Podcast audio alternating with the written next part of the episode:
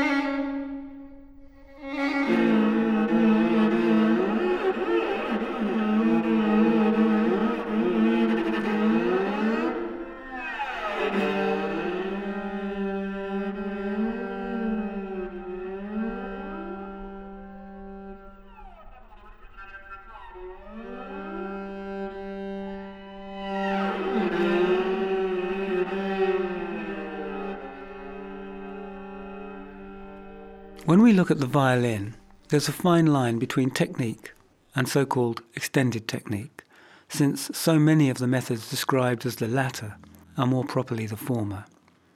Here's Jon Rose demonstrating a smorgasbord of ways to play a violin.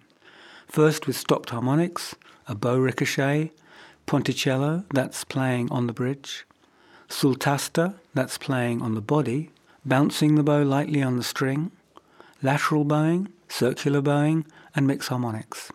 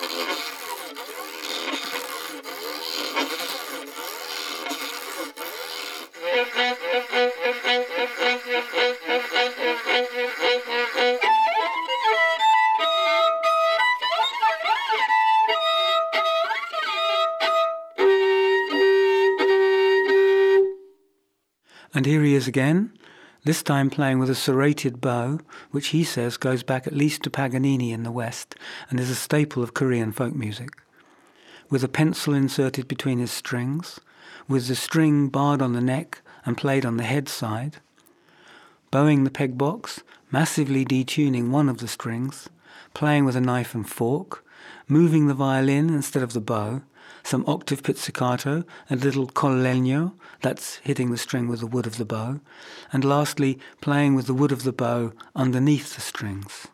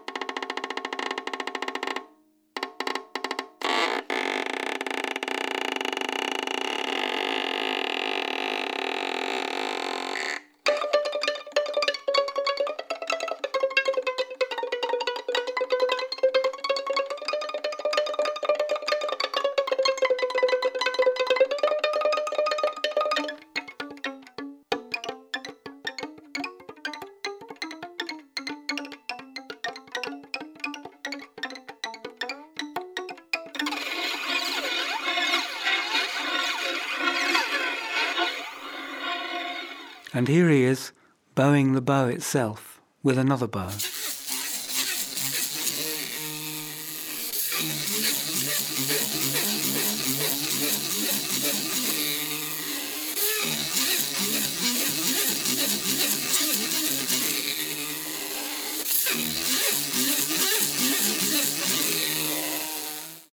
Here's how Salvatore Sciarrino uses some of these possibilities. These are brief extracts from the first three of his six caprices for solo violin.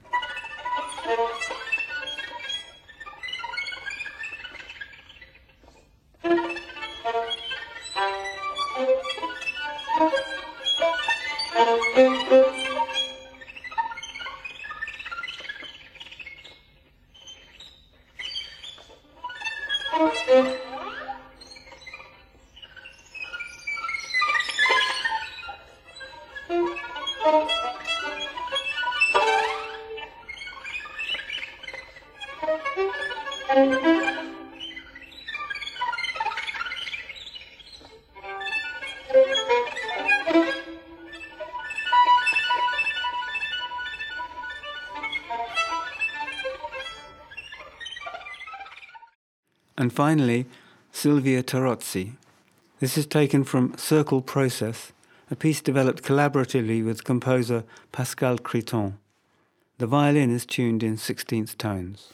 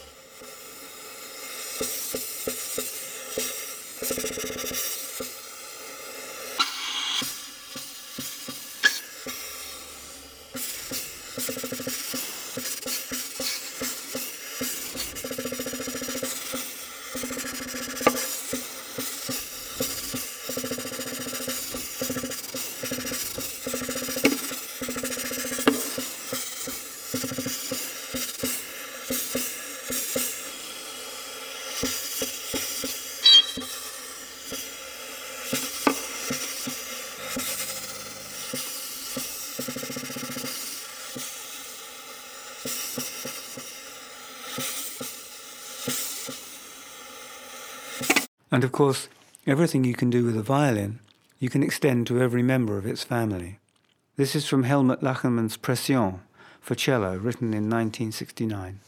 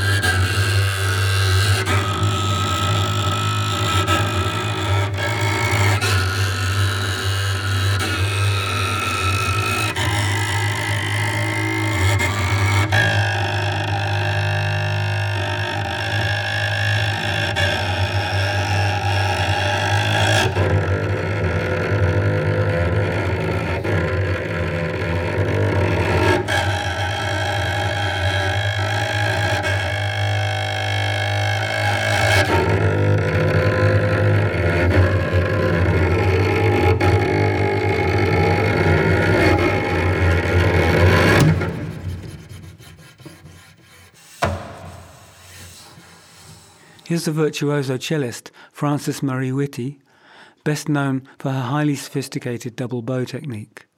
This involves controlling two bows completely independently with one hand, while negotiating pitches in the usual way with the other. After a great deal of study, this gives a performer minute control through exact and independent positioning over combinations of timbres, as well as opening the possibility of there being highly complex rhythmic interplay between the two autonomous lines.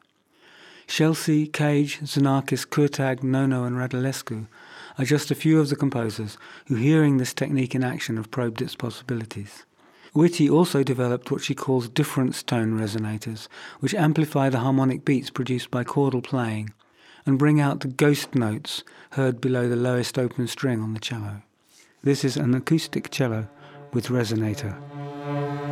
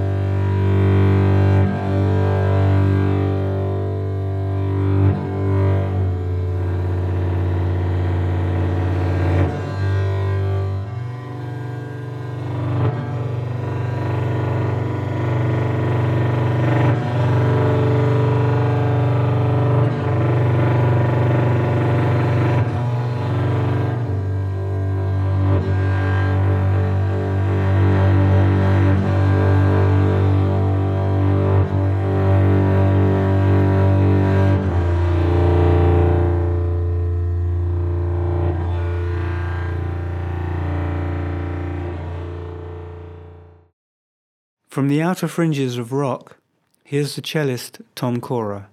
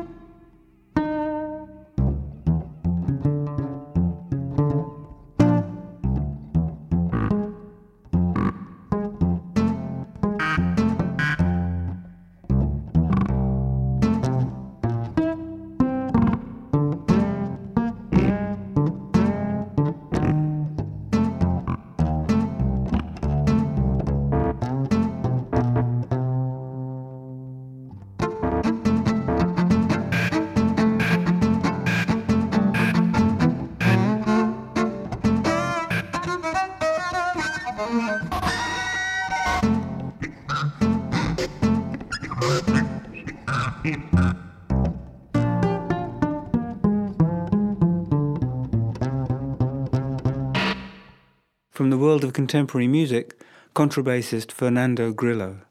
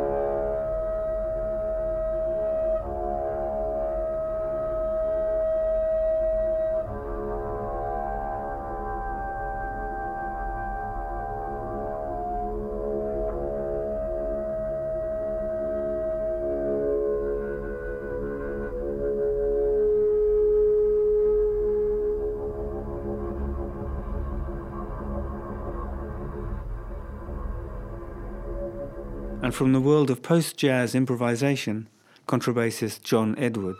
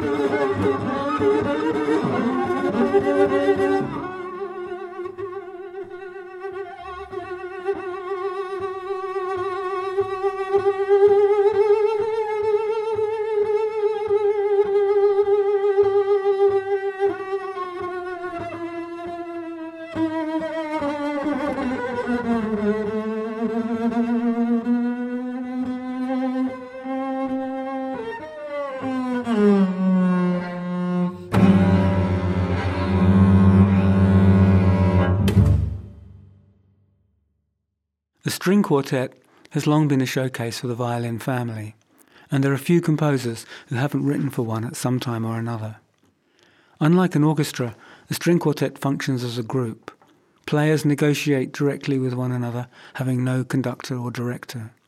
A string quartet is a gestalt. It can turn on a dime. It can find its own groove.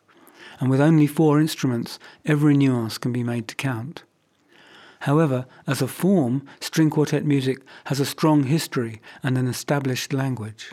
So if pitch is no longer to be the primary means of organization, listener expectation and requirements of length and coherent form set interesting challenges for a composer. Because, whatever purists might argue, listeners who grew up in the 20th century understand music as a kind of language with rules, and those rules are tonal. So how do we move away from tonality and retain coherence? With what narrative or logic or pattern could an unfamiliar concatenation of sounds be made persuasive rather than just a pandemonium of chaotic nonsense? That's the central problem. And all our probes can be thought of as proposals towards the solution of that problem. Some are pretty speculative, others are extremely confident, but all are instructive. I plan to look more closely at this question of coherent structure in a future program, but for now, here are one or two probes that seem relevant to our consideration of timbre as aesthetic substance. This is from Helmut Lachenmann's third string quartet, Gran Torso.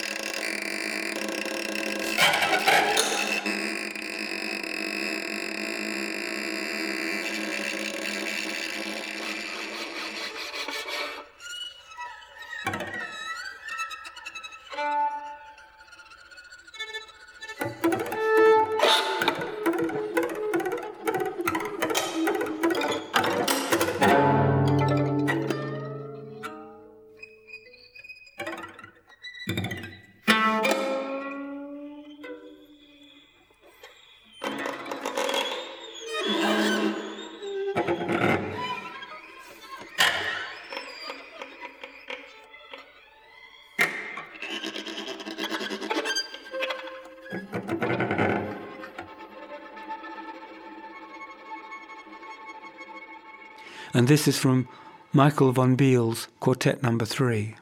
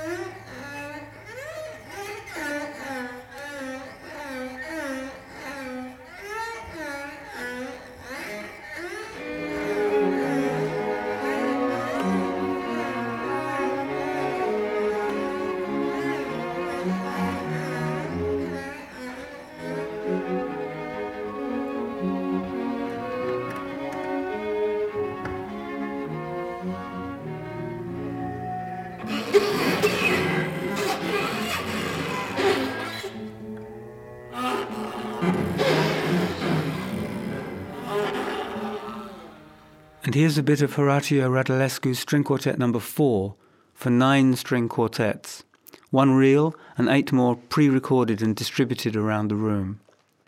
The other strings are tuned between them to 128 different pitches that correspond to the 36th to the 641st frequencies of a vast harmonic spectrum projected from a fundamental C.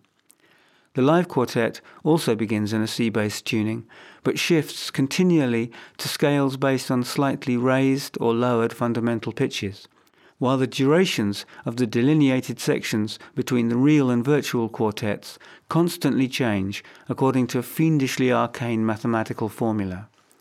This is from Horatiu Radulescu's fourth string quartet, Infinite to be cannot be infinite, infinite anti be could be infinite, composed between 1976 and 1987.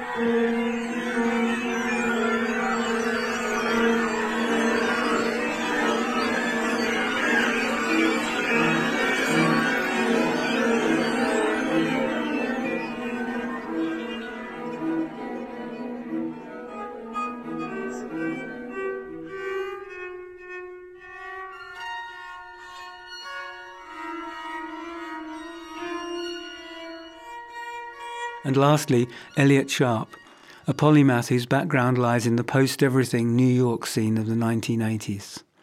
Here he takes the wonderful widow option and restricts his attention solely to the instrument's wooden shells.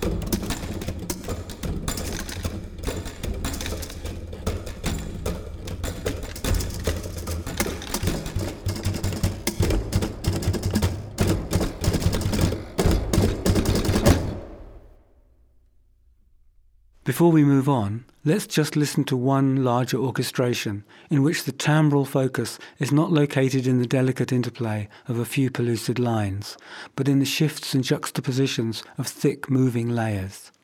This is from Voile for 20 strings and is just one of the many probes that Iannis Xenakis flew into the problem of non-tonal structure.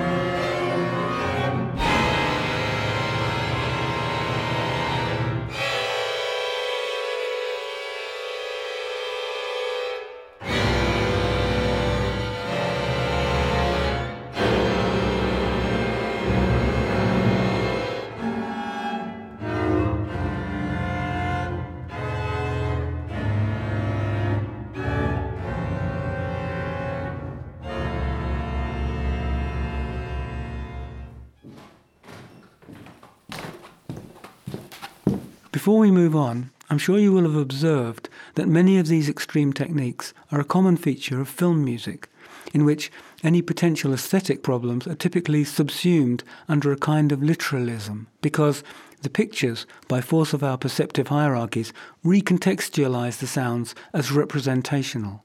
So, when a group of strings makes insect noises in a horror movie, these sounds don't need an aesthetic framework because they're instantly rendered metaphorical by the context.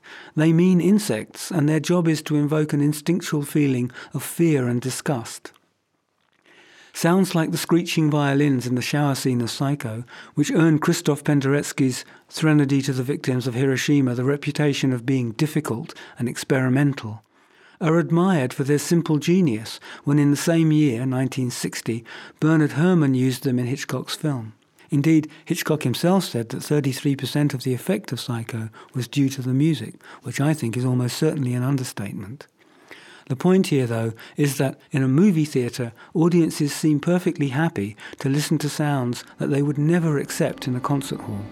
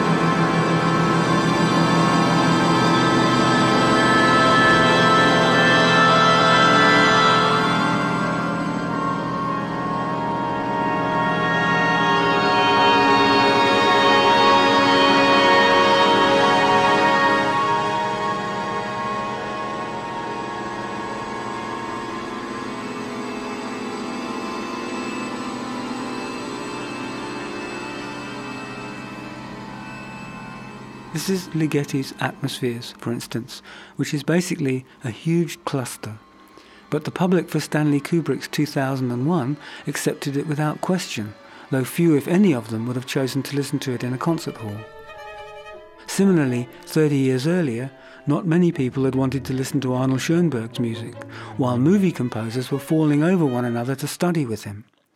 It's hard to imagine how deeply depressing it must have been for him to hear his air from other planets so quickly become a trope for ugliness and horror.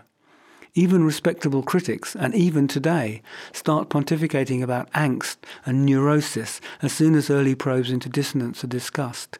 Perhaps this should just be seen as an instinctive reification of their own failure to shake free of prejudice and habit. More egregiously, though, such critics are existentially misreading utopian desire for dystopian commentary. And tragically, it seems that film composers and the general public, for the most part, agree with them. It was Wittgenstein who defined the meaning of a word in terms of the way it can acceptably be used. And one thing film composers certainly seem to know is how acceptably to use a dissonance. This is Sun Ra, whose roots lie firmly in jazz and popular music, at work with a room full of strings and a trombone.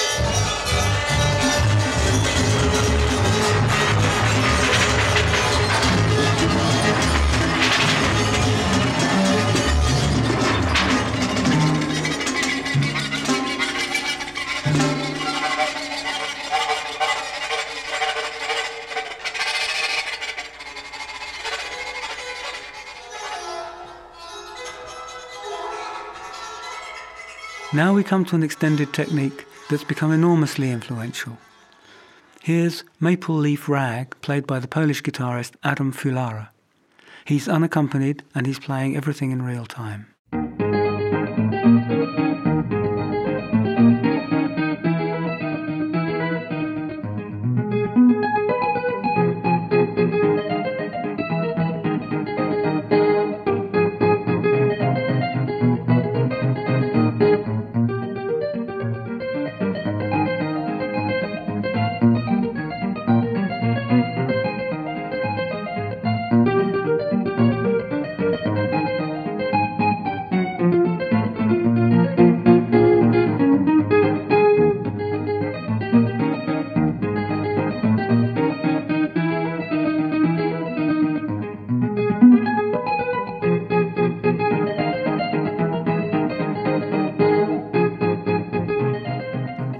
Standard method of playing a string instrument with a neck is to press the string down with one hand while plucking, picking, or bowing with the other.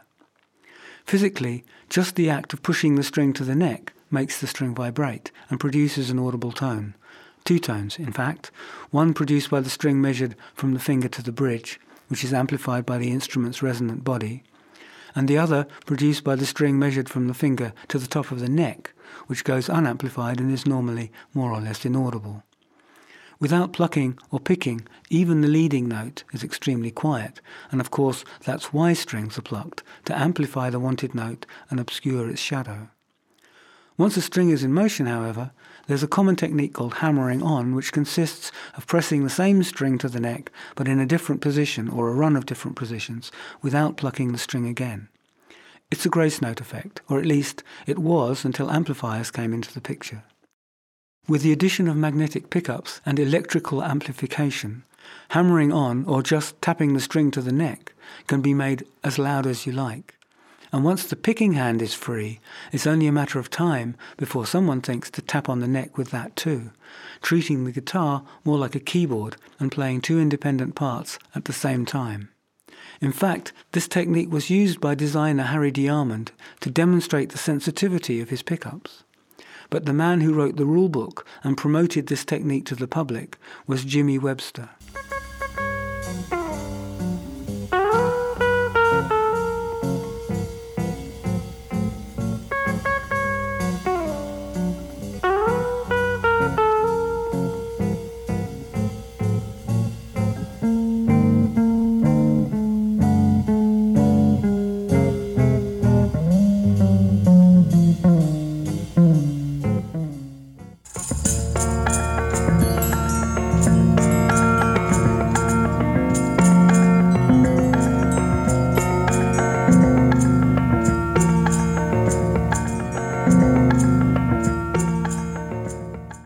1952, Webster, who at the time was working for the Gretsch Guitar Company, published a two hand manual called The Touch System for Electric and Amplified Spanish Guitar, principally a tutorial and a set of exercises. In 1958, he released Webster's Unabridged, an LP showcase for two hand tapping. And by 1960, he had invented and patented a stereo pickup in order to separate the top and bottom three strings so that he could send each independent line to a different amplifier.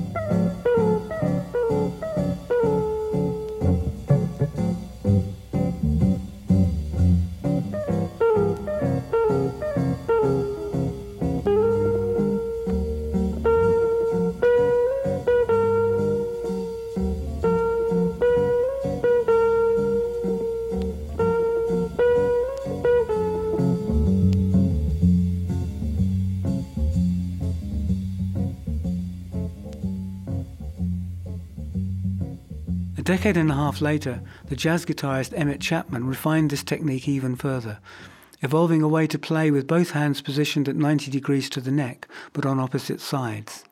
Since normal guitars weren't designed for this, Chapman embarked on a major redesign.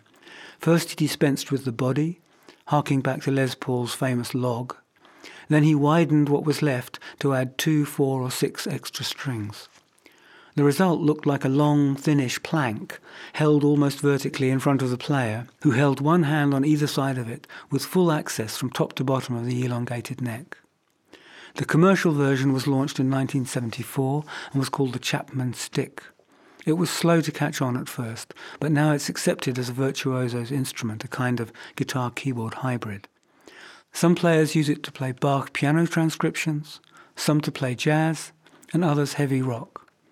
There's been interest from various different disciplines, but not, interestingly, from the classical or contemporary art music community. Here's Greg Howard playing an extract from his Goya's Dream.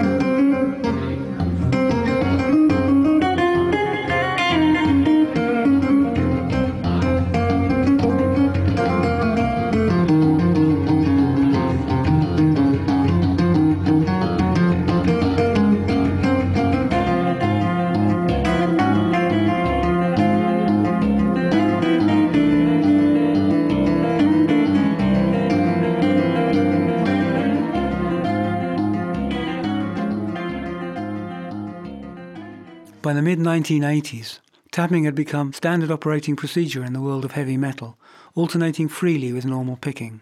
Here's a classic with a lot of instantly recognizable two hand work. This is Eddie Van Halen's Eruption, and listen to that extreme portamento.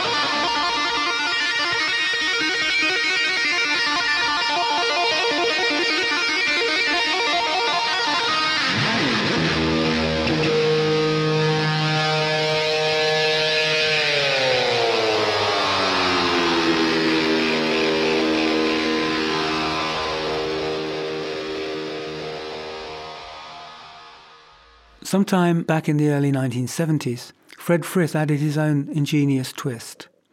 You'll recall I mentioned that hammering on actually produces two notes, the one that you want and the very quiet accompanying note that you ignore.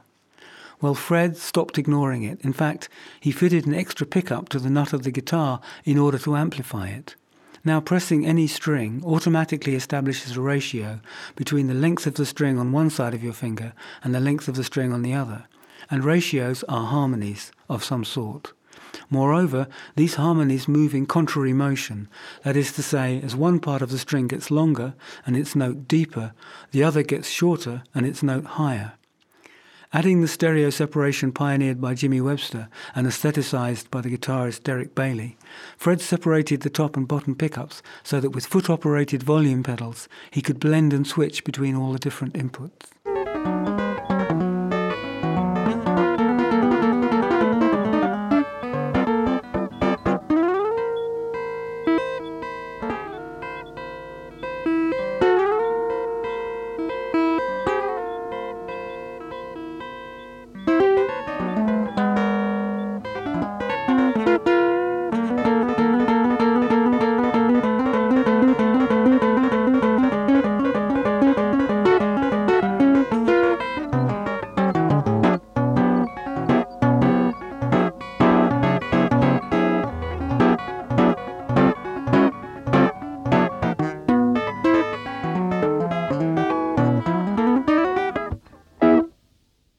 Mentioned Derek Bailey as an influence. Derek had started to move away from jazz in the mid 1960s and gradually evolved, in the context of a close community of like minded experimentalists, what amounted to a new language for the guitar. It seemed completely open, but was in fact tightly constructed around a narrow set of very focused and interrelated skills. Internalizing stylistic devices from Webern and late serialism, for instance, treating pitch, timbre, volume, and shape as independent variables, as well as, rather like Morton Feldman, eschewing any obvious development or teleology. Bailey evolved a style in which each sound was produced with simple deliberation and precise articulation, but stood only for itself, not obviously connected to its neighbours sounds that were going nowhere in particular and seemed to pop in and out of existence as if illustrating some steady state version of spontaneous musical generation.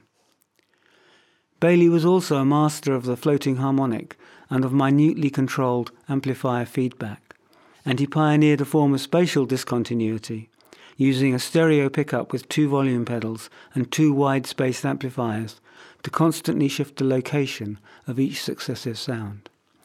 This is Derek in 1972.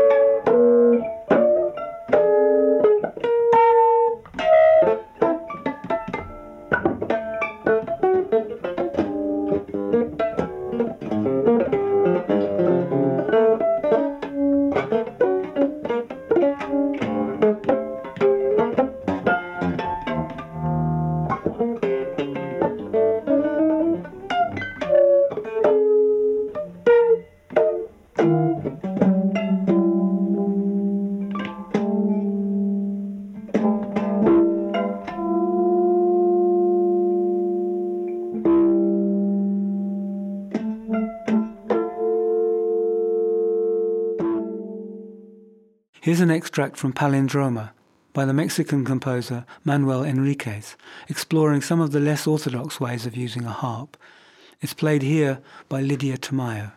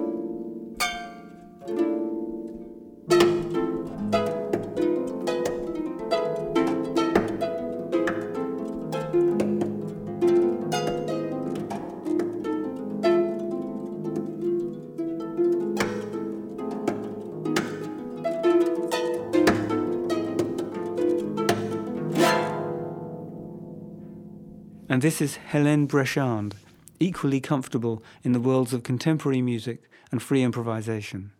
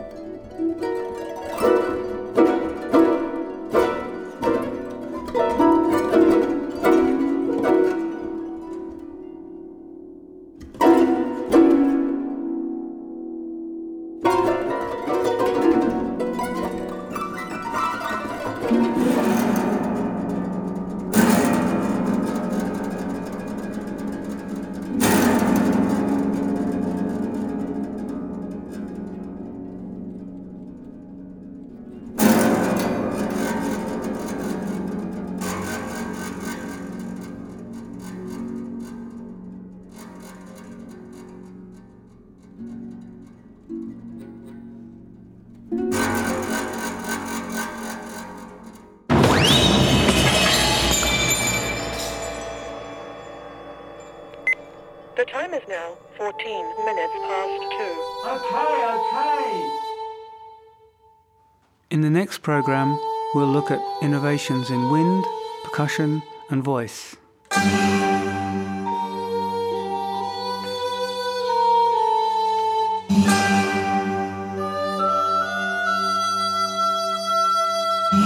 I'm Chris Cutler. This has been Probes.